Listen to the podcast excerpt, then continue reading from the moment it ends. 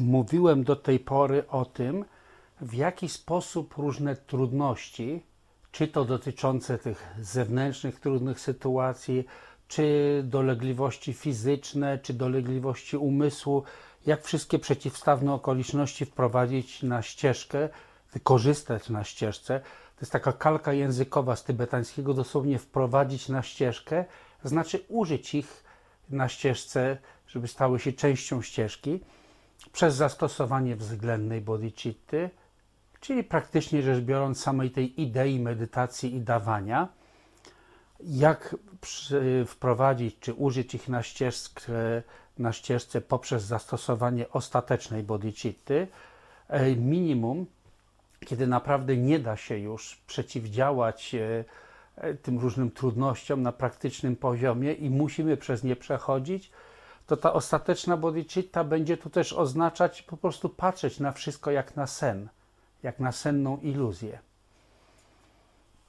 I wreszcie trzecie to jest przez zastosowanie specjalnych metod.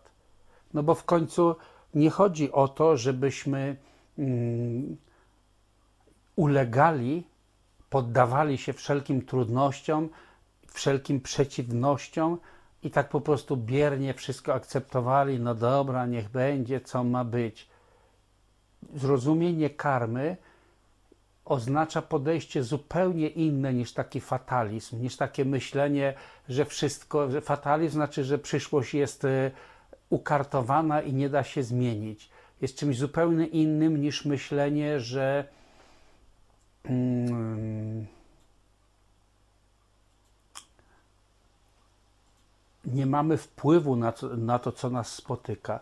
Przyszłość jest e, rezultatem naszych poprzednich działań, ale również naszych obecnych działań.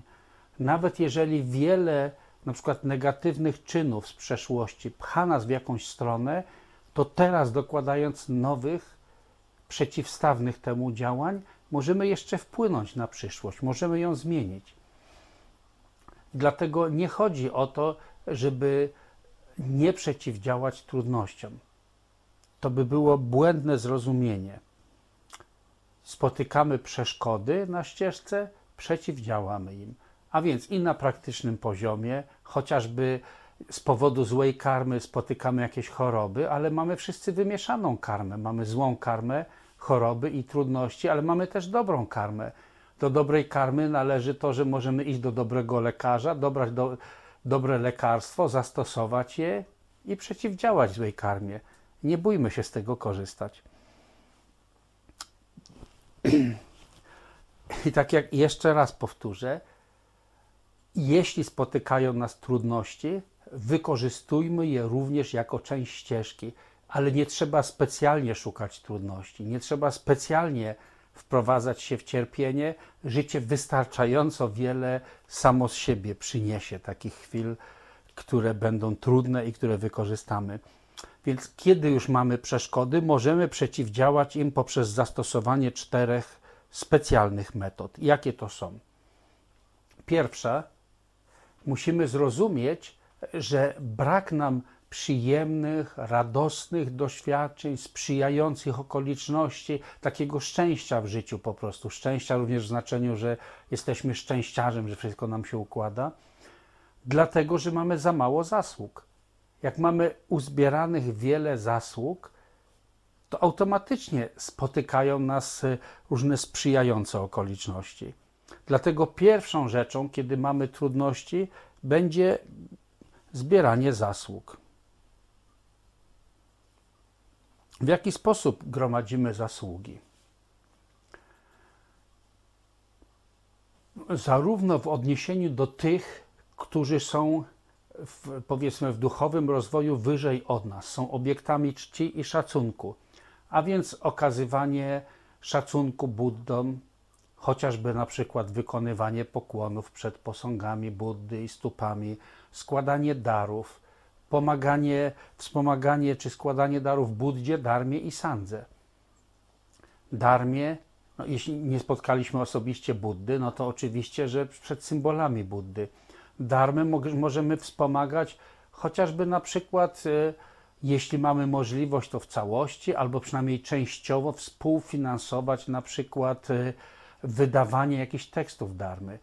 Jak ktoś nie ma środków finansowych na to, to może pomagać, chociażby dystrybuować, chociażby pomagać. Często, na przykład, jak drukujemy teksty, trzeba układać kartki i tak dalej, pomagać w drukowaniu. Po tybetańsku to się nazywał pe-jin. Jin jak jinpa, szczodrość, P to są teksty, szczodrość tekstów.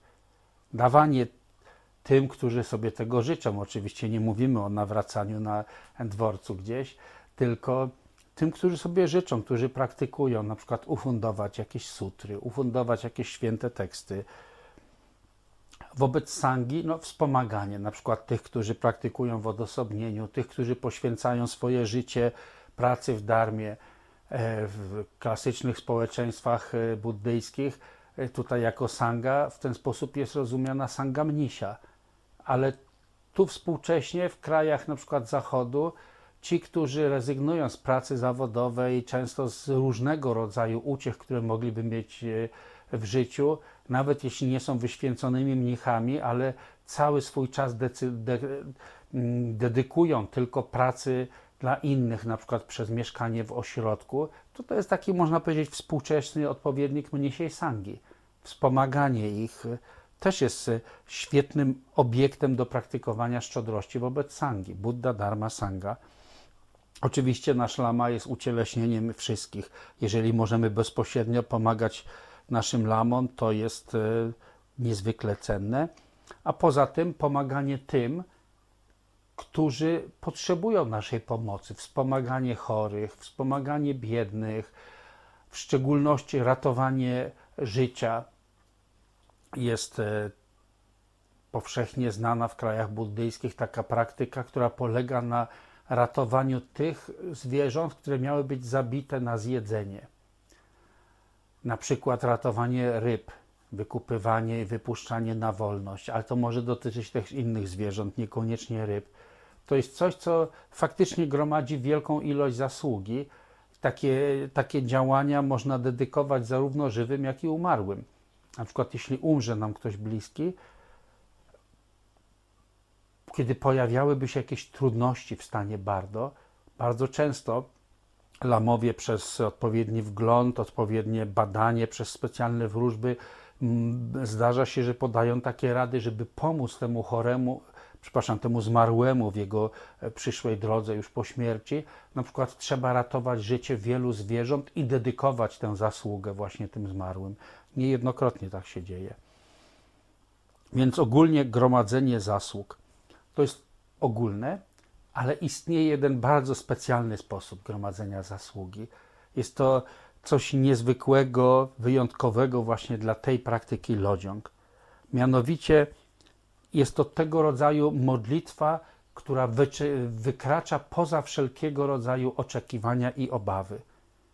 Mianowicie, jeśli potrafimy z głębi serca wyrażać takie życzenie, jeśli lepiej dla mnie, nie w znaczeniu dla ja, mojego ego, dla mnie, tylko w sensie dla mnie jako tego, który jest na ścieżce bodhisattwy, czyli dla dobra innych, jeśli lepiej będę, będzie, żebym zachorowawszy teraz, żebym umarł, to niech umrę. Modlę się w takim razie o błogosławieństwo śmierci. Ale jeśli lepiej dla dobra innych, żebym wyzdrowiał, to niech, wyzdro niech wyzdrowieje oddaję siebie Buddom i Bodhisatwom, ofiarowuję swoje ciało, mowę, umysł moim lamom i niech ich błogosławieństwo zdecyduje. Jak mam wyzdrowieć, niech wyzdrowieje. Jak mam umrzeć, niech umrę.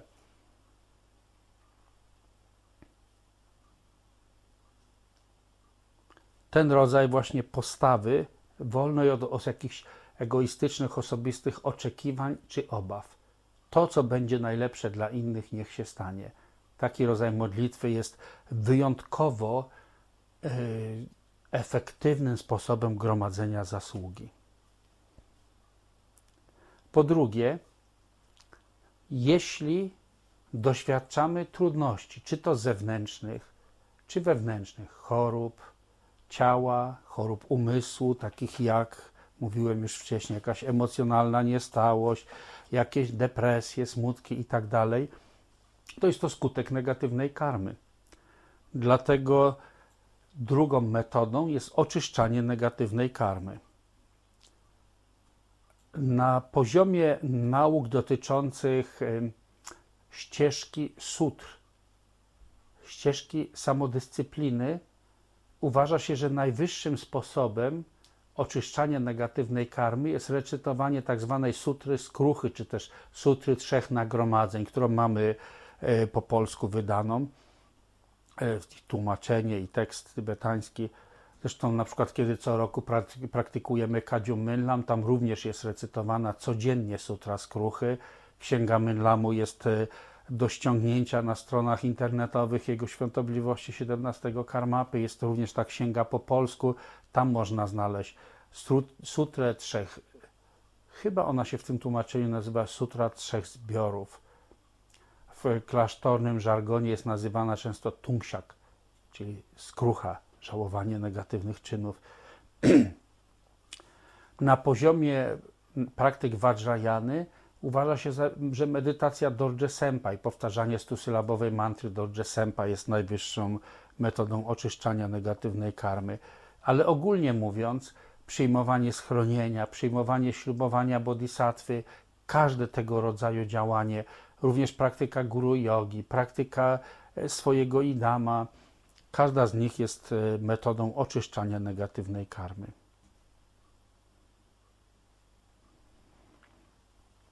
Trzecia specjalna metoda to ofiarowywanie tormy tym, którzy po tybetańsku nazywają się hladre, czyli bogowie i demony.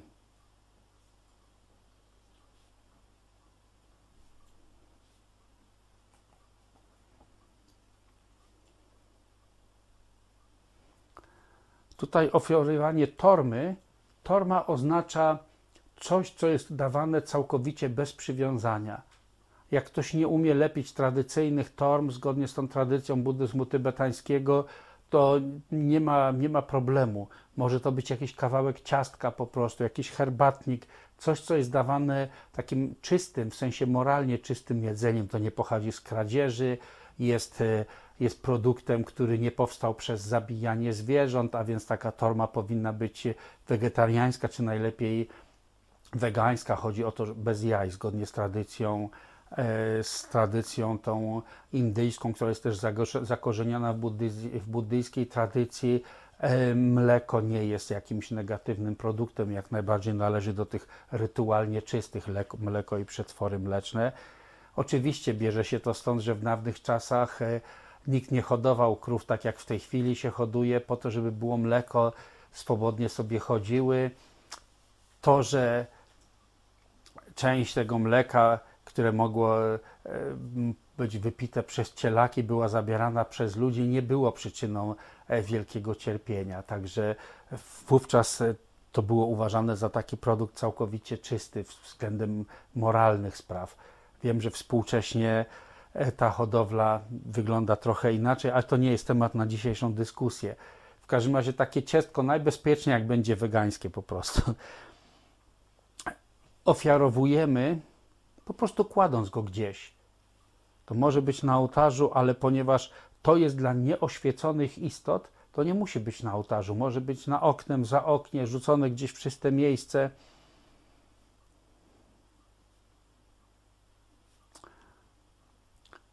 I zwracamy się w ten sposób do potężnych istot tego świata, które są ogólnie nazywane tutaj bogami i demonami. Bogowie to ci, którzy przynoszą dobre, sprzyjające okoliczności i szczęście, a demonami nazywa się tych, którzy przynoszą cierpienie.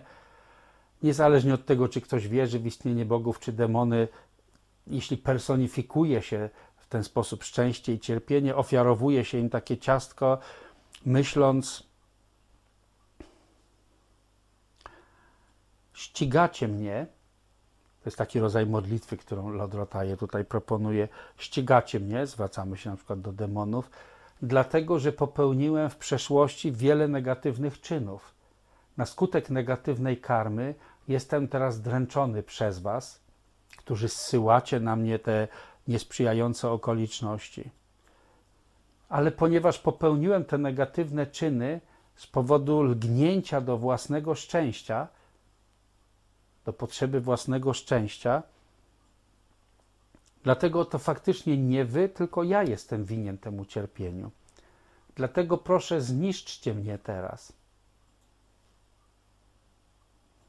Proszę, sprowadźcie na mnie wszystkie cierpienia, biedę, wszystkie choroby, ale dzięki temu niech żadna istota nie doświadcza takich chorób czy cierpienia. A więc, kiedy nie potrafimy tak bezosobowo spojrzeć na cierpienie, mamy skłonność do obwiniania kogoś, myślimy, bogowie, demony, jeśli to wy sprowadzacie na mnie to cierpienie, proszę, sprowadźcie go jeszcze więcej. Cierpienie wszystkich istot zrzućcie teraz na mnie. ale żeby dzięki temu wszystkie istoty były uwolnione od cierpienia. Natomiast jeśli nie potrafimy w ten sposób, Lodrotaje mówi, jeśli to jest za trudne dla nas, to medytujemy na miłującą dobroć i współczucie, na branie i dawanie.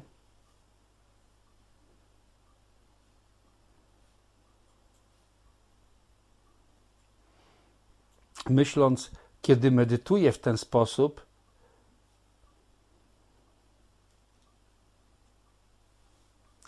to pamiętajcie, bogowie i demony, praktykuję teraz po to, żeby w przyszłości pomóc wszystkim istotom, a więc również i Wam. Dlatego proszę, nie sprowadzajcie na mnie żadnych przeszkód. Uwolnijcie mnie od tych chorób, uwolnijcie mnie od tych trosk, po to, żebym mógł praktykować ścieżkę bodhisattwy. Obiecuję w przyszłości również i Wam odpłacę dobrocią i Was poprowadzę na ścieżce do wyzwolenia. To jest taki rodzaj medytacji wymagający mniejszej odwagi.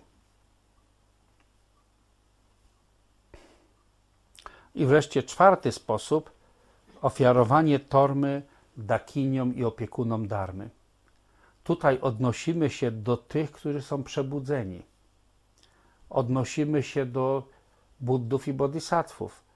Na przykład niejednokrotnie jest tak, że kiedy pojawiają się choroby, po prostu zwracamy się na przykład do Buddy medycyny, albo zwracamy się do Mahakali czy do Tary. I tutaj nie powinniśmy myśleć, że te bóstwa mają wąskie specjalizacje i każdy potrafi zrobić tylko coś tylko jakiś jeden rodzaj aktywności. Faktycznie to jest tak, że jak mamy jakąś taką osobistą praktykę, na przykład jeśli czyimś hidamem przez długi czas jest na przykład Vajrayogini, to ona ucieleśnia wszystkie rodzaje aktywności uspokajającą, pomnażającą, magnetyzującą, niszczącą. Tak samo i o zdrowie, tak samo i o wszystkie inne sprzyjające okoliczności możemy się modlić do Wielkiej Matki Vajrayogini tak samo ją możemy prosić o usunięcie przeszkód. Ale możemy też w specyficzny sposób zwracać się a to do Buddy medycyny, a to do opiekuna Mahakali na przykład, o to, żeby ich aktywność usunęła przeszkody. Przy czym to nie jest tak, że będziemy się modlić o to, żeby zawsze tylko leżeć na e, miękkim łóżku pod ciepłą kołderką, bo to niekoniecznie będzie zawsze najkorzystniejsze dla naszej ścieżki bodhisattwy, ale modlimy się o to, żeby ich oświecona aktywność poprowadziła nas w taki sposób, jaki najszybciej doprowadzi nas do urzeczywistnienia stanu Buddy dla dobra wszystkich istot. Więc niejako ofiarowujemy siebie naszym lamom i damom, opiekunom darmy, Oczywiście w Vajrayanie istnieją takie praktyki, gdzie w bardzo dosłowny sposób wyobraża się, że swoje ciało składa się w ofierze wszystkim, e, wszystkim obiektom schronienia, jak też i czującym istotom, tak jak przez praktykę ciep. Ona w istocie jest właściwie, można powiedzieć, zastosowaniem poprzez takie tantryczne metody, zastosowaniem tego, czego się naucza w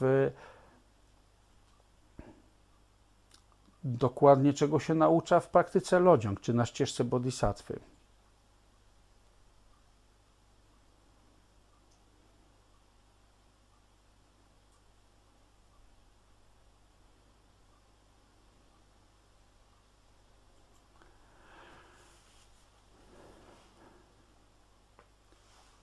Także jeszcze raz powtórzę i podkreślę, kiedy doświadczamy trudności zewnętrznych, wewnętrznych, wewnętrznych dotyczących naszego ciała lub naszego umysłu, nie na tym polega ścieżka bodhisattwy, żeby nie zrobić nic, nie przeciwdziałać temu, tylko na praktycznym poziomie staramy się zrobić to, co jest konieczne, żeby na przykład e, dojść do zdrowia i dzięki temu mieć więcej siły, więcej energii do pracy dla dobra innych. Ale czasami jest tak, że nie jesteśmy w stanie praktycznie nic zrobić, albo zanim kuracja zacznie przynosić efekty, i tak doświadczamy pewnych trudności, wtedy przez praktykę względnej bodhicitty, przez myślenie, oby w moich kłopotach, w moim cierpieniu wypaliło się cierpienie wszystkich istot, żeby ich choroby i wszystkie rodzaje cierpień dołożyły się do mojej choroby, oby moje ich szczęście dojrzało w nich wszystkich, wtedy stosujemy względną bodhicittę albo stosujemy ostateczną bodhicittę, spoglądając jednocześnie na wszystkie te doświadczenia jak na pewien rodzaj iluzji, takiego niezbyt dobrego snu. Przy czym to nie jest tak, że jest jedna albo druga metoda. Faktycznie jest tak, że medytacja na pustkę jest nieoddzielnie połączona z medytacją na współczucie. Patrząc na wszystko jak na iluzję, jednocześnie ze współczuciem myślimy o tych wszystkich, którzy nie rozpoznali tej iluzji i doświadczając cierpienia, doświadczają cierpienia po prostu z powodu niewiedzy i lgnięcia do realności zjawisk. Ale kiedy i tak to nie wystarcza, kiedy i tak doświadczamy trudności, możemy składać konkretnie ofiarowanie tormy różnym nieoświeconym istotom, potężnym istotom tego świata, albo poprzez zastosowanie również tej metody bodhicitty, przez myślenie sprowadźcie na mnie wszystkie nieszczęścia całego świata, bogowie i demony, aby dzięki temu wszystkie istoty były uwolnione od cierpienia, ale czasami też faktycznie stosuje się w buddyzmie ofiarowanie torm dla różnych klas nieoświeconych istot, po to, żeby usunąć przeszkody na ścieżce. Istnieją konkretnie, to nie jestem w stanie tego e, nauczyć, nie byłoby to właściwe w tej chwili, konkretne rytuały, takie jak ciasum cioga na przykład, takie ofiarowanie tormy dla trzech klas różnych światowych bóstw, które jest niezwykle efektywne w czasie, kiedy niektórzy mają bardzo wielkie e, przeszkody. Nie zawsze jesteśmy w stanie zrobić to sami. E, często jest tak, że po prostu lamowie robią to jakby w intencji, e, w intencji innych to nie jest tak, że ja nagle proszę teraz przychodźcie, kto tylko zachoruje, będę dla wszystkich robić rytuał, nie starczyłoby czasu, ale byłem świadkiem tego, jak na przykład jeden z lamów z naszego klasztoru, przemiły, przewspaniały, należy do grona jego wielbicieli, będąc na odosobnieniu miał bardzo ciężką chorobę serca, do tego stopnia, że właściwie nie było pewne, czy dożyje do końca odosobnienia. I Rinpoche mówił, że byłoby właściwe przerwać odosobnienie, iść do lekarza. Ten lama powiedział nie. Jeżeli postanowiłem wykonać trzyletnie odosobnienie, to nawet za cenę życia nie chcę tego, nie chcę tego złamać. Wolę umrzeć ze zdrowym umysłem niż ze zdrowym ciałem. I wtedy Rinpoche się zgodził, ok, jeśli masz taką motywację, naprawdę dla dobra innych, chcesz wykonać takie praktyki, masz prawo zostać, nie musisz wychodzić. Bo oczywiście, gdyby Rinpoche nakazał wyjść z odosobnienia, nie odmawia się swojemu lamie, ale Rinpoche dał mu wybór, on wybrał to i wtedy byłem akurat wtedy w klasztorze, nomen omen, ja się szykowałem do odosobnienia i akurat w komentarzu do praktyki było wyjaśnione, że również ten element praktyki należy zastosować. Rinpoche mi wyjaśnił teoretycznie, za chwilę pojawiła się ta potrzeba i przez kilka dni z rzędu po Budży Mahakali codziennie praktykowaliśmy właśnie to ofiarowanie, więc miałem okazję od razu tak praktycznie przećwiczyć. Lama do dzisiaj żyje, ma się dobrze. Zaraz po odosobnieniu był na stole operacyjnym po pewnym zabiegu na sercu. Wadę usunięto. Nie wiem dokładnie, co tam było chore. Ale to jest tak przykładowo. Ciasum cioga i nie tylko Tak samo rytuał Chilu, czyli oszukanie śmierci, kiedy, kiedy śmierć jest spersonalizowana jako, jako władca śmierci i ofiarowuje się pewną specjalną tormę, jakby oszukując w zastępstwie osoby, która miała umrzeć. Ja ma odhacza, dobra, tego już mamy, a ta osoba żyje. Ja myślę, że czasem, czasem zrobimy tę praktykę również w ośrodku. Normalnie to się robi, kiedy czyjeś życie jest zagrożone, ale na przykład przy okazji e, tej noworocznej Puji Mahakali można dołożyć ten rytuał oszukania śmierci. Czasami praktykowaliśmy to w początkach ośrodka, również znam Serimpocze. Było sporo zabawy, bo Rimpocze żartował, że gwarancja na rok, za rok musimy znowu. Potem, więc istnieją tego rodzaju praktyki, ofiarowanie tormy nieoświeconym bóstwom, no i wreszcie czwarta metoda, kiedy pojawiają się trudności. Przepraszam, pominąłem wcześniej oczyszczanie negatywnej karmy przez praktyki oczyszczające. Prawda? Gromadzenie zasług, praktyki oczyszczające, a później, a później ofiarowanie tym nie, nieprzebudzonym, różnym światowym, samsarycznym bóstwom i ofiarowanie tormy Buddom, Bodhisatwom, strażnikom Dharmy.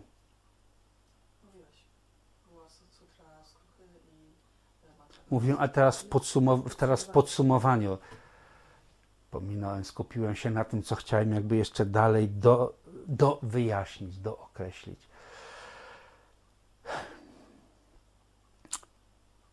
Uważam, że całkiem nieźle udało nam się pójść z materiałem, mamy trzy spośród siedmiu głównych punktów wyjaśnione. Jutro w takim razie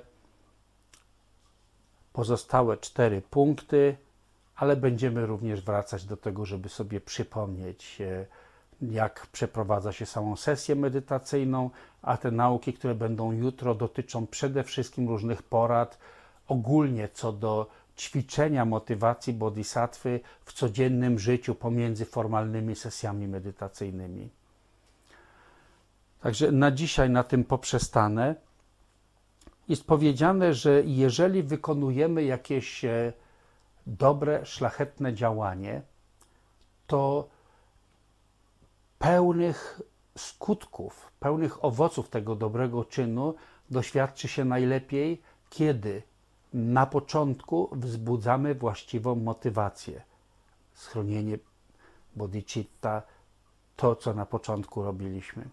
Później, kiedy sam czyn jest przeprowadzony w poprawny, czysty sposób, a na koniec, jeśli całe dobro, które z tego powstało, całą zasługę dedykujemy wszystkim czującym istotom. Ten właściwy początek, środek i koniec sprawiają, że owoce tego będą bardzo czyste i właściwe. Dlatego jakiekolwiek dobro powstało z tego, że słuchaliśmy nauk, przemyśliwaliśmy, próbowaliśmy trochę medytować, że w przyszłości będziemy stosować te nauki, całe to dobro dedykujemy temu, aby wszystkie czujące istoty zostały uwolnione od cierpienia i jego przyczyn i aby osiągnęły szczęście i wszystkie przyczyny szczęścia ale ponieważ same czujące istoty nie wiedzą, jak to osiągnąć, dlatego niejako po drodze nam będzie, że dedykujemy tę zasługę temu, żebyśmy my jak najszybciej doszli do stanu wszechwiedzy, do stanu Buddy i dzięki temu mogli stać się dobrymi czy właściwymi przewodnikami dla czujących istot.